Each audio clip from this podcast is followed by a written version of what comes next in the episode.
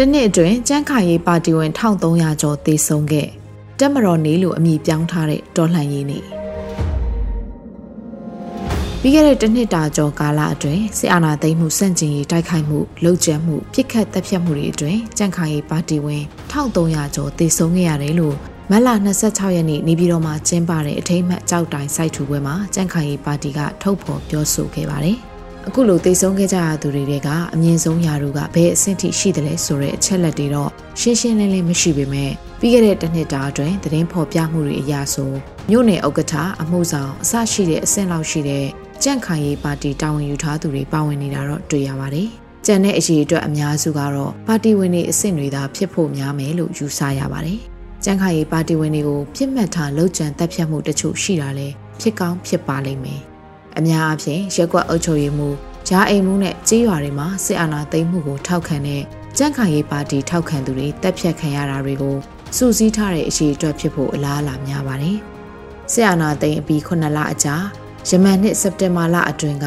ကြန့်ခိုင်ရေးပါတီရဲ့ထုတ်ပြန်မှုအရအဲ့ဒီကာလအထိတပ်ဖြတ်ခံရသူပါတီဝင်နဲ့မိသားစုစုစုပေါင်း250ကျော်ရှိပြီလို့ဖော်ပြထားပြီးနောက်6လကျော်9လအကြာထုတ်ပြန်မှုအရ 1300ကျော်သေဆုံးခဲ့ရတယ်လို့ဖော်ပြထားတာဖြစ်ပါတယ်။ဒီကိန်းဂဏန်းนี่ဘလောက်ထိတိကျမှန်ကန်တယ်လဲဆိုတာစမ်းစစ်ဖို့ခက်ခဲပေမဲ့အခုလိုတစ်နှစ်တာအတွင်းလက်နက်ကိုင်တပ်ဖွဲ့မဟုတ်တဲ့စစ်အာဏာသိမ်းမှုကိုထောက်ခံအားပေးသူအရက်သား1300ကျော်သေဆုံးခဲ့ရတယ်ဆိုရင်မြန်မာနိုင်ငံရဲ့နိုင်ငံရေးသဘောထားကွဲလွဲမှုဘလောက်နှက်ဆိုင်နေဆိုတာပြသနေတာဖြစ်ပါတယ်။တခြားတစ်ဖက်မှာစစ်ကောင်စီတပ်တွေနှိပ်စက်မှု တပ်ဖြတ်မှုတွေကြောင့်သေဆုံးရသူတွေလည်းရာကနန်းမကတော့ပဲထောင်ကနန်းအထိရောက်ရှိနေပြီဖြစ်ပါတယ်။လက်နက်ကင်တပ်ဖွဲ့တွေဒါမှမဟုတ်ဒေသအလိုက် PDF အဖွဲ့တွေနဲ့စစ်ကောင်စီတပ်တွေရဲ့တိုက်ခိုက်မှုတွေအတွင်းသေဆုံးခဲ့တဲ့အရှိအတွက်က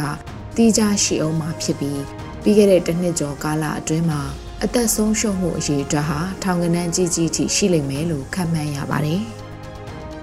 ကြန့်ခိုင်ရေးပါတီရဲ့ဒီအထိမ်းအမှတ်ကြောက်တိုင်ကိုဘာကြောင့်ဒီလိုနေ့မှာစိုက်ထူရတယ်လဲဆိုတာသိချမသိပေမဲ့လည်းဆက်လက်ကြရောက်မဲ့ဖက်စစ်တော်လှန်ရေးနေ့မှာစစ်ကောင်စီကတက်မတော်နေ့အဖြစ်အခမ်းအနားကိုတက်ရောက်မဲ့ဗိုလ်ချုပ်ဟောင်းကြန့်ခိုင်ရေးပါတီခေါင်းဆောင်တွေနေပြည်တော်ကိုစုဝေးရောက်ရှိနေချိန်မှာလှုပ်ဆောင်တယ်လို့ခန့်မှန်းရပါတယ်။မလ29ရက်နေ့မှာတော့တက်မတော်နေ့အမည်ပြောင်းထားတဲ့တော်လန်ရေးနေ့မှာ စစ်ကောင်စီတပ်တွေကစစ်ရေးပြပွဲတွေနေပြည်တော်မှာကျင်းပမှာဖြစ်ပြီးဖက်စစ်တော်လန်ရေး89နှစ်မြောက်နေ့ဖြစ်တယ်လို့ပြည်တွင်းစစ်တပ်တန်းက290ကျော်နေပြီလည်းဖြစ်ပါတယ်။1945ခုနှစ်ဖက်စစ်တော်လှန်ရေးပြီးနောက်၃နှစ်အကြာမှာပဲမြန်မာနိုင်ငံလွတ်လပ်ရေးရခဲ့တယ်လို့ပြည်တွင်းလက်နက်ကိုင်တိုက်ခိုက်မှုတွေလည်း1948ခုနှစ်မှာကတည်းကစတင်ခဲ့တာဖြစ်ပါတယ်။ကန်ဆိုးစွာပဲမြန်မာနိုင်ငံရဲ့လွတ်လပ်ရေးသမိုင်းဟာကွန်မြူနစ်ဆိုရှယ်လစ်ဝါဒရေးရာကွဲလွဲမှု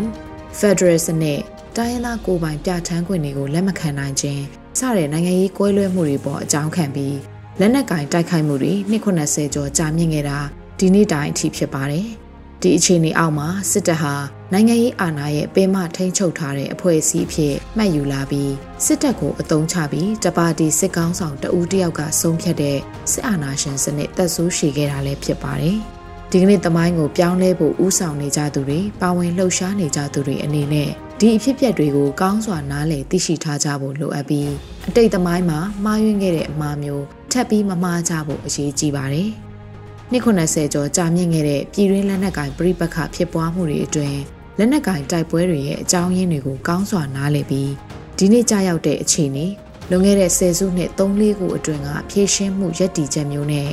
ဒီနေ့ခေတ်မှာရက်တီဖြည့်ရှင်းလို့မရနိုင်တော့ပဲ